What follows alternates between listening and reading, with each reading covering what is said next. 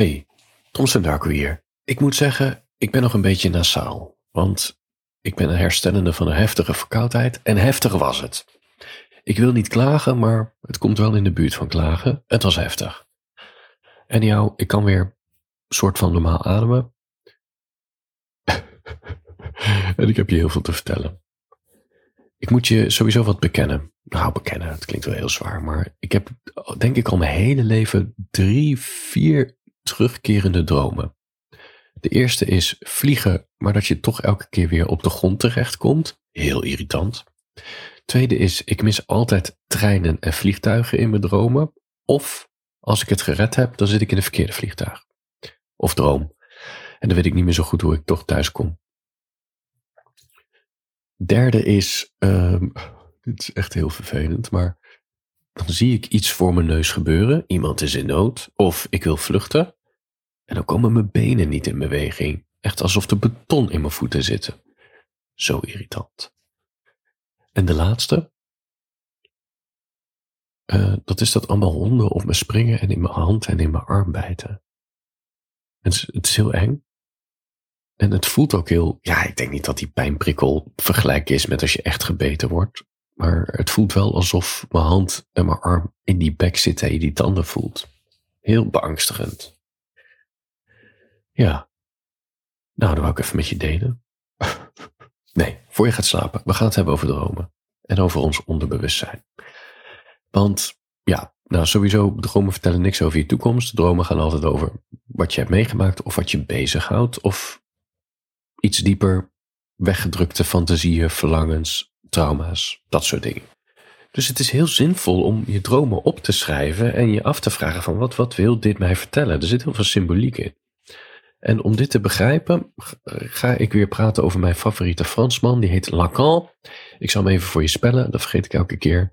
Het is wel heel erg Tim Ferriss dit trouwens. Die spelt ook altijd alles. Tim Ferriss is een van de, heeft een van de best bekende podcasts ter wereld. Maar dat doet er niet toe. Je bent, want je luistert naar mij. En je praat trouwens ook altijd nasaal, Tim Ferriss. Nou, in dat opzicht heb je nu gewoon je Nederlandse Tim Ferriss in je oor.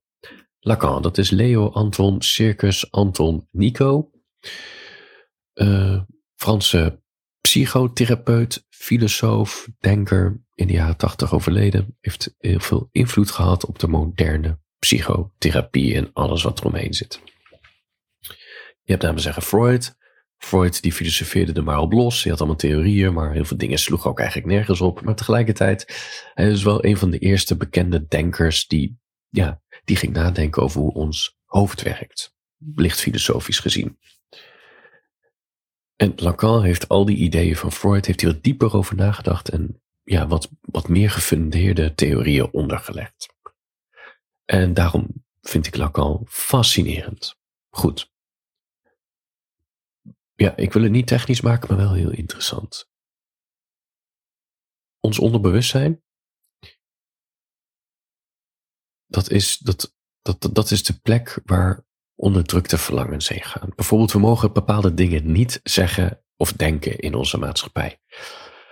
Maar als we dronken zijn, nou misschien is het een mannending, maar de kans is groot als je met een groep mannen bent die dronken zijn, dat ze uh, Hitler goed te gaan doen. Snorretjes onder hun neuzen doen en allemaal dat soort grapjes.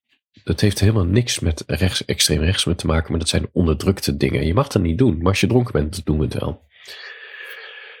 Nu heb ik dus iets. Nu lijkt het net alsof ik allemaal neonazies als vrienden heb. Integendeel. Die zitten echt aan, het links, aan de linkse kant van het politieke spectrum, maar misschien nog wel extreem linkser. Ik neem even een slokje van mijn thee hoor. Maar dit is ook het gebied, dat zie je ook bij mannen, ook bij, bij vrouwen, dat als je, als je je fijn voelt en vertrouwd voelt, dat je dan heel banaal gaat praten. Eventjes vijf minuten hele vieze praat. Nou, laat ik het zo zeggen, vooral mannen doen het. Dat is de plek van die onderdrukte verlangens. Het zit er, het moet eruit. Af en toe moet je even stoom afblazen. Het is dus nooit ver weg, al die onderdrukte verlangens. En de manier waarop je merkt waar je onderbewustzijn mee bezig is, dat is de woorden die je gebruikt. Interessant, daar kom ik straks op terug. Het tweede aspect zijn de dromen. Want dromen is een manier van je onderbewustzijn om met je te praten. Een soort van.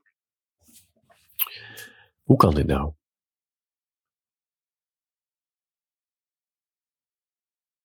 En ik probeer het nu heel goed te vertellen. Want uh, de, de, de, de manier hoe wij de wereld beleven, dan zeggen alles wat we zien, alles wat we voelen, daar hebben we woorden voor. Dus als we denken, denken we in woorden. Als we praten, praten we in woorden. Als we een boom zien, zeggen we dat is een boom. Terwijl dat, natuurlijk een boom is veel meer dan een boom. Weet je, heeft wortels, er zitten mossen op, er zitten takjes, er zitten knopjes aan. En als je nog langer kijkt, dan zie je hele gekke dingen. Maar we, we vatten het samen in een boom. Dus, dus snap je? Taal. Ons onderbewustzijn heeft ook een taal nodig. Weet je, het, om, om, te, om, snap je? Ons onderbewustzijn heeft ook een taal nodig. En ja, de, taal van de onderbewustzijn zijn gewoon woorden die we kennen. Dit is heel erg Lacan en Freud. Die zeggen dus onderbewustzijn heeft een taal nodig. Dat zijn gewoon de taal waar we mee praten. En dat onderbewustzijn laat zich via die taal af en toe zien. Zoals de Freudiaanse verspreking. Komen we straks op terug.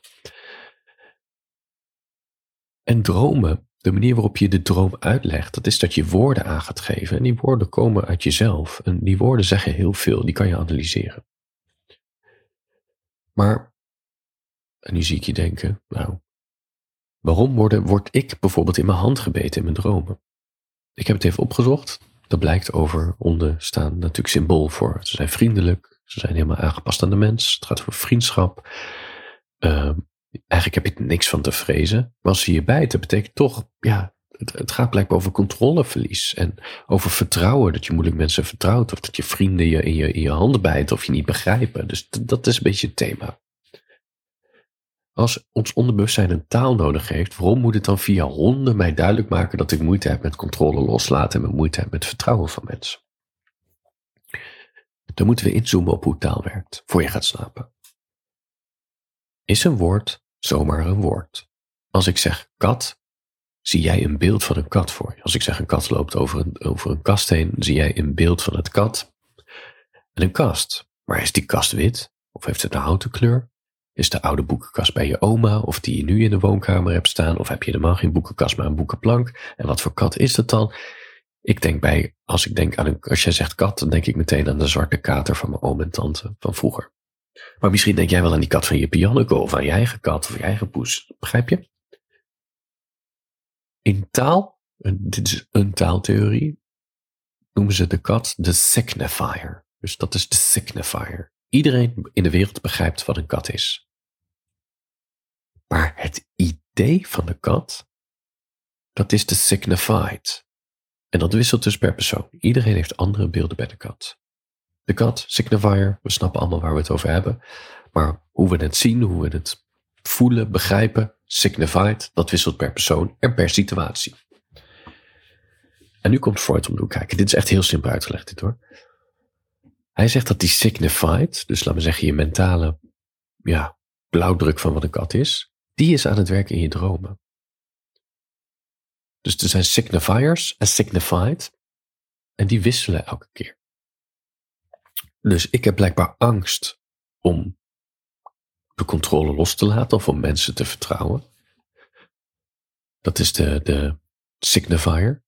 En de signified, dus de manier waarop zich dat uit, dat is via de symboliek, via de honden die me bijten.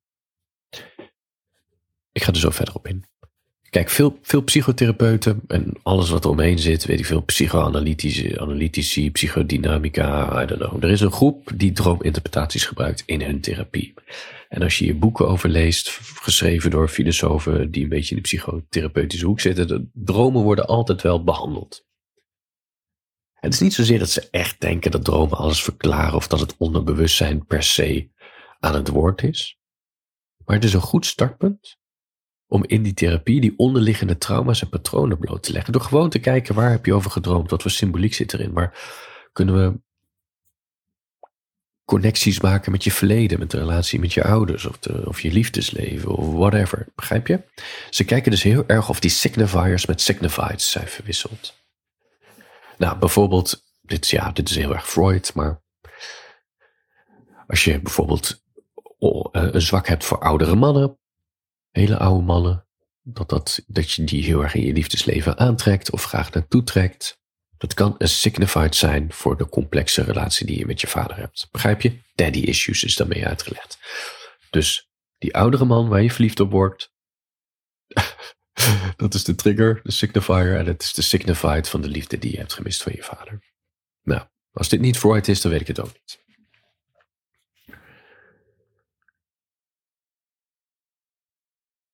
Je mag in onze samenleving over bepaalde dingen niet denken. Dat zei ik al. Seks met je nichtje, auto in het huis van je irritante overburen rijden, pissen in de soep van de baas. We onderdrukken deze gedachten. Maar ze zijn natuurlijk wel aanwezig. En de manier waarop we praten, is die signifier to signifier, die worden continu gewisseld, verwisseld. Of in ieder geval, die zijn aan het werk. En, je ziet het ook in beelden terug trouwens, voordat ik verder ga op die onderdrukte dingen. Uh, bijvoorbeeld, nou, een, videoclip van een, een, een, rapper. Dan zie je vaak de bling bling, toch? Of in ieder geval, dat is het cliché, de gouden sieraden. Kijk, de signifiers van succes en rijkdom, die laten zij zien via gouden, dure, blinkende sieraden. Dus dat zijn de signifieds. Ja, het is overal aan het werk. Je hebt zo'n nummer van 50 cent, 50 cent, die rapt I'll take you to the candy shop, I'll let you lick the lollipop. Nou, de, de, het is natuurlijk geen geheim, hij heeft het gewoon over pijpen. Lekkere orale seks. En dat is natuurlijk een kunstzinnige artistieke uiting. De signifier is de, is de lollipop. Daar hebben we allemaal een beeld bij. Maar de signified is nu veranderd. Want we denken allemaal aan een lange tong die over een lul heen gaat. Of zoiets. En dit, weet je, 50 Cent doet het bewust, maar dit zijn we eigenlijk, dit is, dit is continu een proces in de taal als we aan het praten zijn met anderen. Uh, signified, signifiers en ons onderbewustzijn doet mee, want die zit gewoon eigenlijk mee te praten. Ja, dat is heel gek. En dit is misschien ook wel het meest schokkende aan de theorieën van Lacan. Hij zegt namelijk, alle woorden die je gebruikt, dus als ik zeg van, hé, hey, wat heb je dit weekend gedaan? Bijvoorbeeld, je bent in de bioscoop geweest, oké, hoe was de film? alle woorden die je gebruikt om je bioscoopervaring en die film uit te leggen, dus de constructie van de zinnen, de type woorden, dat gaat over jezelf. Het gaat niet over die film en je bioscoopbeleving. Het gaat erom over hoe jij de wereld beleeft en welke taal jij denkt en welke onderdrukte verlangens erin zitten. Het, zit, het, het vertelt alles over jou. Dus je kan met drie vriendinnen of vrienden naar de bioscoop zijn geweest. Alle drie hebben ze een andere verhaal, terwijl jullie alle drie hetzelfde hebben gedaan. Dat is omdat jullie alle drie op een andere manier naar de wereld kijken. Alles wat je vertelt, eigenlijk zelfs elk woord dat je denkt, gaat over jezelf. Het onthult dus heel veel over hoe je de wereld ziet en jezelf beleeft en wat je onderdrukt en welke trauma's erin verborgen zijn en waar je mee bezig bent en je angsten. En dit, moet je heel, dit kan je heel letterlijk zien. Bijvoorbeeld, Um, je gaat naar een feestje toe en ja, je kent al die mensen niet zo goed. Je bent een beetje onzeker, je voelt je gewoon niet zo fijn. Je voelt je een beetje raar in je buik. En de woorden die je aangeeft aan dat gekke gevoel in je buik, eigenlijk wat de spanning is, dat is dat je misselijk bent. Dat kan hè. We omschrijven, denk ik, dat gevoel in de buik allemaal anders. Ik kan ook zeggen, ik ben gespannen. Dat zou ik zeggen. Maar bijvoorbeeld misselijk. Misselijkheid gaat over overgeven. Toch? Want als misselijkheid uit de hand loopt, nou ja, dan komt alles uit je mond, ben je het overgeven. Maar dat is dus juist wat er aan de hand is. Je durft je niet over te geven aan het feestje, aan die situatie, aan die nieuwe prikkels, aan die nieuwe mensen die je gaat doen. Je bent gewoon bang om je over te geven om daar kwetsbaar te zijn. Ja, dit is het jongens. Dit is Freud en Lacan. Op en top. Alle woorden die je gebruikt, er zit een diepere betekenis achter. Jij denkt dat je misselijk bent door de spanning het heeft gewoon met overgeven te maken. Kan je jezelf overgeven aan de groep, aan het onbekende? En dit is ook het gebied van die Freudiaanse verspreking. Dat je dus iets zegt wat je eigenlijk niet bedoelt, maar eigenlijk tegelijkertijd ja, lijkt het toch wel weer op dus over de situatie te gaan. Bijvoorbeeld, ken je die Friends-aflevering van uh, dat Ross gaat trouwen met Emily? Volgens mij in Engeland of zo.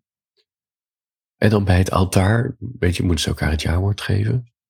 En dan zegt hij in plaats van Dear Emily, uh, will take you to a wife, zegt hij Dear Rachel. Dat is dus een onderbewustzijn, die nam het even over. En toonde dat hij niet naar Emily verlangt, maar naar Rachel. En dit zie je ook bij die ene collega, weet je, die hebben we allemaal zitten. Dat is super irritant, weet je. Je, je, je stoot een bekertje met water om. Het water komt zo op je schoot terecht. En je zegt, ah, ik ben nat. En dan begint er, begint er altijd eentje te gniffelen, of twee. En we weten allemaal wat ze denken. Is toch het onderbewustzijn aan het woord. Het zijn oversexte mensen. Ik denk dat we allemaal heel pervers zijn in ons hoofd. Alleen sommigen laten het wel meer zien dan anderen. Goed. Ik wil best bekennen, terwijl mijn neus weer vol loopt. Uh, ja, het is misschien mijn guilty pleasure. Ik luister dus heel graag naar de woorden die mensen gebruiken. Ik, ik kan dus echt in een gesprek. Ik ga me heel erg focussen op wat ze vertellen en welke manier. En als je mensen wat vaker spreekt, dan ga je merken dat ze vaak dezelfde woorden gebruiken. En dat is geen toeval. Dat betekent dat er thema's zijn waar ze mee bezig zijn in hun onderbewustzijn. Bijvoorbeeld, ik had een collega die, die, die, die zat de hele dag door, was alles duur of goedkoop. Dat, dat was de lens van haar wereld, was duur, goedkoop. De grap was ook toch dat ze dingen duur vond, maar ze had het dan wel gekocht, wat ik dan apart vind. Maar goed, alles was duur of goedkoop. Je hoeft er maar te zeggen, oh, ik heb de nieuwe AirPods van Apple gekocht. Oh, die is super duur. Weet je, dat. Of wow, super goedkoop, dit was in de aanbieding. Whatever. Allereerst, als we het heel erg inzoomen op duur of goedkoop, dan moet je goed beseffen, niks is duur of goedkoop, feitelijk gezien, objectief gezien. Het bestaat niet, duur of goedkoop. Dat is echt, het zijn onzintermen. Niks is duur of goedkoop. Het enige wat telt met de prijs is, vind jij de prijs waard voor wat, je, voor wat het je gaat opleveren. Dat is het enige wat telt. Vind jij het waard of niet? Dat maakt iets duur of goedkoop. Wat voor de een duur is, is voor de ander goedkoop. En sommige mensen zijn er helemaal niet mee bezig of het duur of goedkoop is. Dat is objectief gezien de functie van geld. Daarom, ik stoor me heel erg aan als mensen dingen duur vinden. denk ik, nee, het is niet duur. Jij vindt het gewoon niet waard, dit geld. Maar de reden dat iemand heel erg bezig is met duur of goedkoop, daar zit natuurlijk iets onder. Het kan iets heel simpels zijn, gewoon geldtekort, toch? Dat kan. Dan ja, dan als je weinig geld hebt of elke keer of, ja, of in de schulden zit of met een heel klein budget, ja, dan wordt de wereld ingewikkeld met geld. Dan ben je heel erg mee bezig. Kan je het missen? Is het dit het waard om het uit te geven? Dus dan kan je denken in duur of goedkoop. Dat begrijp ik. Er kan ook een oerangst onder zitten om bedrogen te worden door bedrijven. Dat je dus bang bent dat je te veel betaalt voor een product terwijl je hem ergens anders goedkoper kan hebben. Ik heb iemand in de familie zitten die, die zoekt net zo lang tot hij ergens een Chinese webshop heeft gevonden waar hij dan voor de helft van de prijs of goedkoper binnen kan harken. Echt van spijkers tot aan schroefjes tot aan glasplaatjes. Alles wordt tot de bodem uitgezocht zodat hij niet bedrogen wordt door een Nederlandse winkel. Nou ja, oké. Ik denk trouwens dat er veel meer onder zit om je zo gedraagt. Dus denk ik een manier van controle, maar prima. Het kan ook een kick zijn om onderste de kant te halen. Een vriend van me die vindt het echt een sport om, ja, om, om, dan wil hij iets nieuws kopen. Dan gaat hij net zo lang op Marktplaats op zoek naar iets wat niet gebruikt is. Of nauwelijks gebruikt is. En dan ook nog keihard onderhandelen om het minimale. Dus begrijp je? Dat, dat geeft hem een fijn gevoel. Dat kan. Maar er kan natuurlijk ook een onderliggend trauma aan het werk zijn van, van misschien opgegroeid in armoede. Of een angst om afhankelijk te zijn van anderen. Of een angst om onrechtvaardig behandeld te worden. Dat je altijd denkt in duur en goedkoop. Dus het idee dat iedereen op de wereld jou probeert te naaien. En laat, me zeggen hoe. Hoe langer je iemand kent, hoe meer je doorhebt welke woorden ze gebruiken, hoe beter je ook kan inschatten wat voor psychologie erachter zit. Het is natuurlijk psychologie van de koude grond, dat weet ik ook wel. Maar toch, ik denk dan aan Lacan en Freud. De woorden die we gebruiken is altijd gemixt met onze onbewuste verlangens. Ze zeggen, het onthult heel veel over hun. Want ik zei, duur en goedkoop bestaat niet. Dus waarom zou iemand de hele dag door het hebben over dure en goedkope dingen? Er zit iets onder.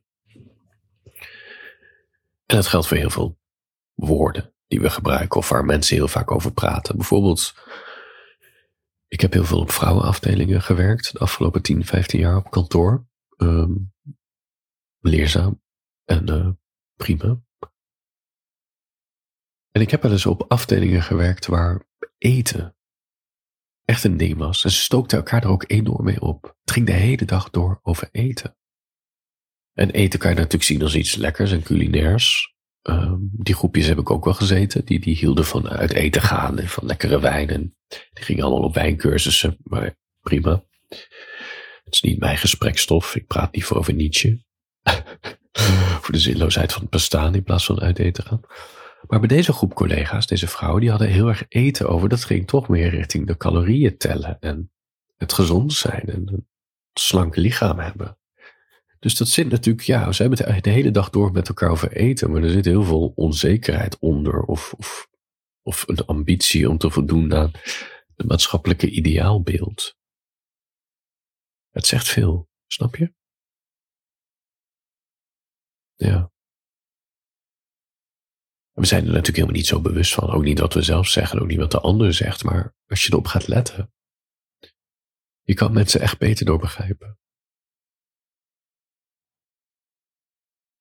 Oké, laatste stukje, als je nog niet in slaap bent gevallen. Dan, ga ik afronden om mijn neus te snuiten. Lacan ging hier nog een stukje verder in, in zijn theorie over de taal waarmee we denken, waarmee we praten en het onderbewustzijn die zich laat zien. Signifier en signifier en signified.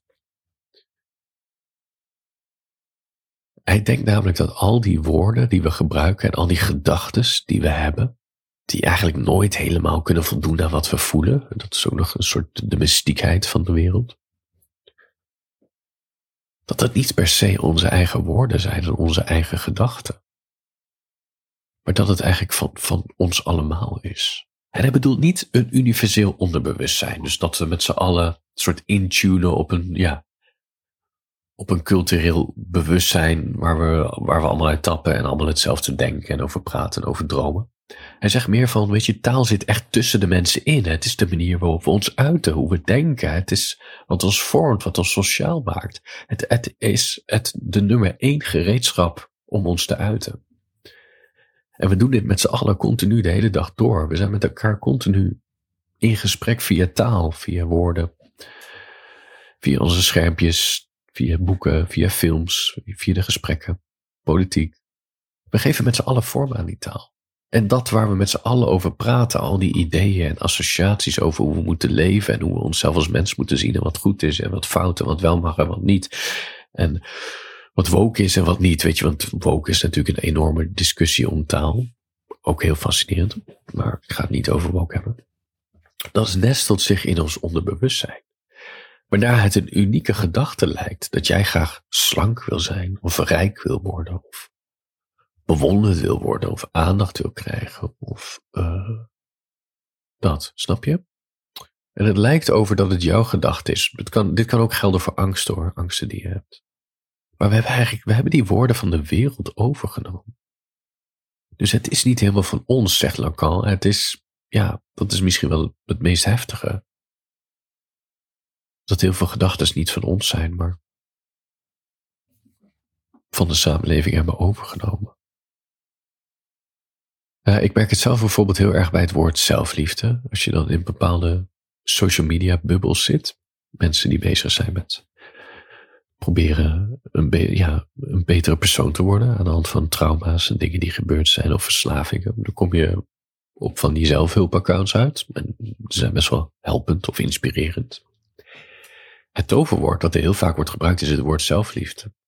En je merkt niet alleen, nou ja, dat zelfliefde wordt gepredikt, maar mensen gaan zich ook zelf zo uiten. Dus die zeggen, nou ja, ik heb eindelijk geleerd om van mezelf te houden. En bla bla bla bla. Ze zeggen dit uit zichzelf heel vaak. Dus ze gebruiken zelf heel vaak het woord zelfliefde. En daardoor ga, word ik argwanend. Want ik denk, het is meer alsof je het op jezelf hebt opgelegd. Dat je het zelf graag wil voelen. Maar voel je het echt? En is dan dat woord wat je voelt dan echt het woord zelfliefde? Ik betwijfel het. Iedereen heeft zijn mond er vol van. Het popt overal op. Bij elk probleem in je leven is het antwoord meer zelfliefde. Maar waar de fuck hebben we het over? Ik weet niet wat zelfliefde is. Dan gaan we weer even terug naar die signifier en, signified. Signifier zelfliefde. Maar waar moet je het op plakken? Wat, wat, wat, wat voor gevoel moeten we erbij hebben? Er is geen gevoel van zelfliefde. Het is een heel vaag gevoel. En vaak klopt het ook niet, omdat je een hele gekke relatie met jezelf hebt. En het is ook geen unieke gedachte, het wordt gewoon opgelegd. En ik denk heel erg, en dit is misschien ook een onderliggend probleem, of in ieder geval dit waar ik denk waardoor we onszelf maar niet helemaal kunnen doorgronden? Het antwoord is niet zelfliefde. Je hebt het woord van de wereld overgenomen en je weet gewoon zelf niet eens wat je ermee bedoelt. Je hebt er een beeld bij, maar het klopt gewoon niet. Als je op zoek bent naar zelfliefde, dan ga je het daar niet vinden, ook al denk je van wel. Je moet echt dieper in jezelf graven. Welk aspect van jezelf je nou zo'n hekel aan hebt, wat je nou haat. Er moet iets zijn waardoor je super onzeker of gefrustreerd bent of raar gedrag gaat vertonen. En dat is iets heel specifieks. Dat is niet zelfliefde. Er zit iets diepers onder, iets veel. Het kan over je uiterlijk zijn, het kan een manier waarop vroeger mensen tegen je praten. Het, het zit veel dieper. En het antwoord, en als je het gevonden hebt, dan is het antwoord nog steeds niet zelfliefde. Je hebt andere woorden nodig om dat te fixen of om ermee om te gaan. Het is gewoon een te vaag algemeen woord. En dat is uh, bij bezwaar bij heel veel van die uh, ja, ja, spiritueel werken een beetje in die hoek van spirituele zelfhulphoeken. Het zijn hele grote algemene woorden. Het klinkt allemaal fantastisch. Maar hoe meer je erover nadenkt, zegt het eigenlijk niks. En we, we nemen het over in ons hoofd. We gaan zelf zo praten. Als iemand ons een probleem uitlegt, dan zeggen we, ah, je moet wel van jezelf houden. Je moet wel meer zelfliefde tonen. Dan gaan wij opeens zo praten. Maar het is niet helpend. Het zit nog te veel aan het oppervlakte. We moeten echt dieper in onze ziel graven om echte antwoorden te vinden voor wat er ontbreekt in ons leven, wat die pijn is.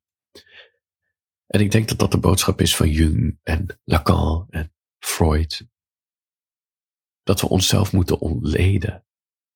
Aan de hand van de woorden die we gebruiken en de dromen die we hebben. Analyseer het en ontdek het. En ontdek of die woorden die we ervoor vinden of hoe we onszelf omschrijven, of die nou van ons zijn of van de wereld. En zo komen we tot de kern van wie we denken te zijn en van daaruit kunnen we opnieuw beginnen. Laten we zeggen, zonder de belast van trauma's en schaamte en de verwachtingen en verlangens van anderen die allemaal grip op ons hebben, maar gewoon, ik kan bijna zeggen een pure versie, maar een nieuwe versie. Dat fijner voelt en wat minder frustraties en gek gedrag oplevert. En ook een nieuwe taal. Want woorden doen er toe. Woorden doen er heel veel toe. Het is de grootste beperking die we hebben en tegelijkertijd is het ook de grootste ja, hoe moet ik het zeggen?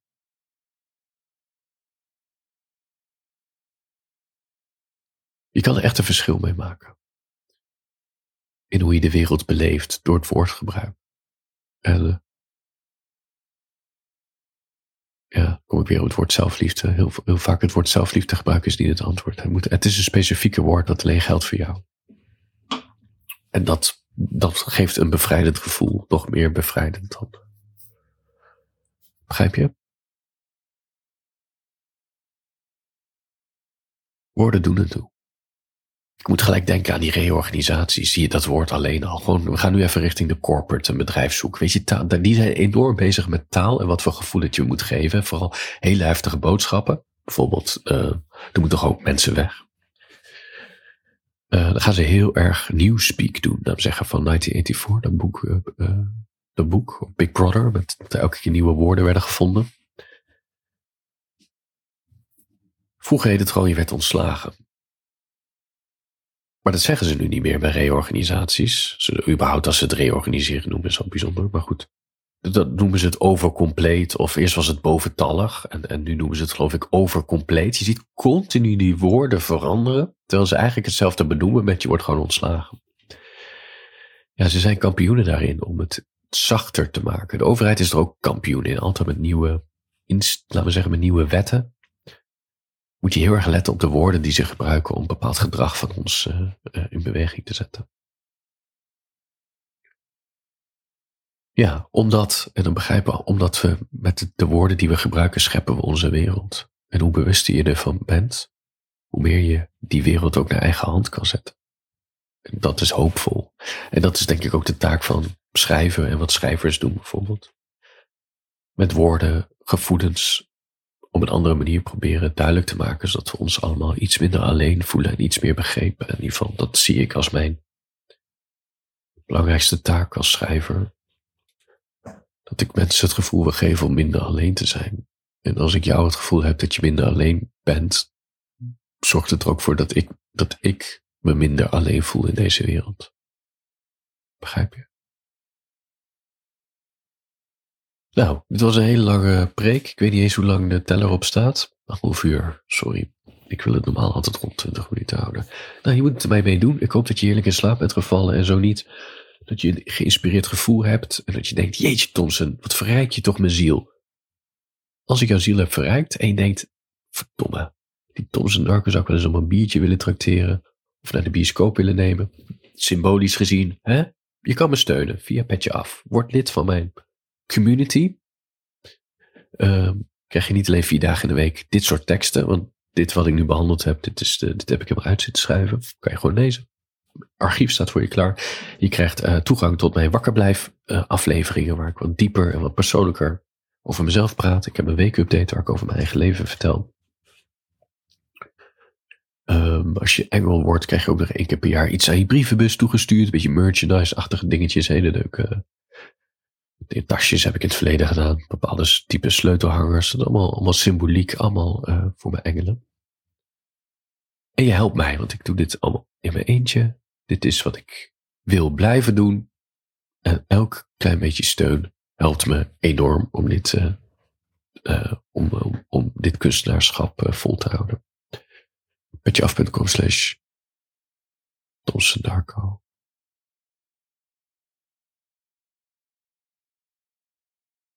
Handjes boven de dekens. Morgen een nieuwe dag. Slaap lekker.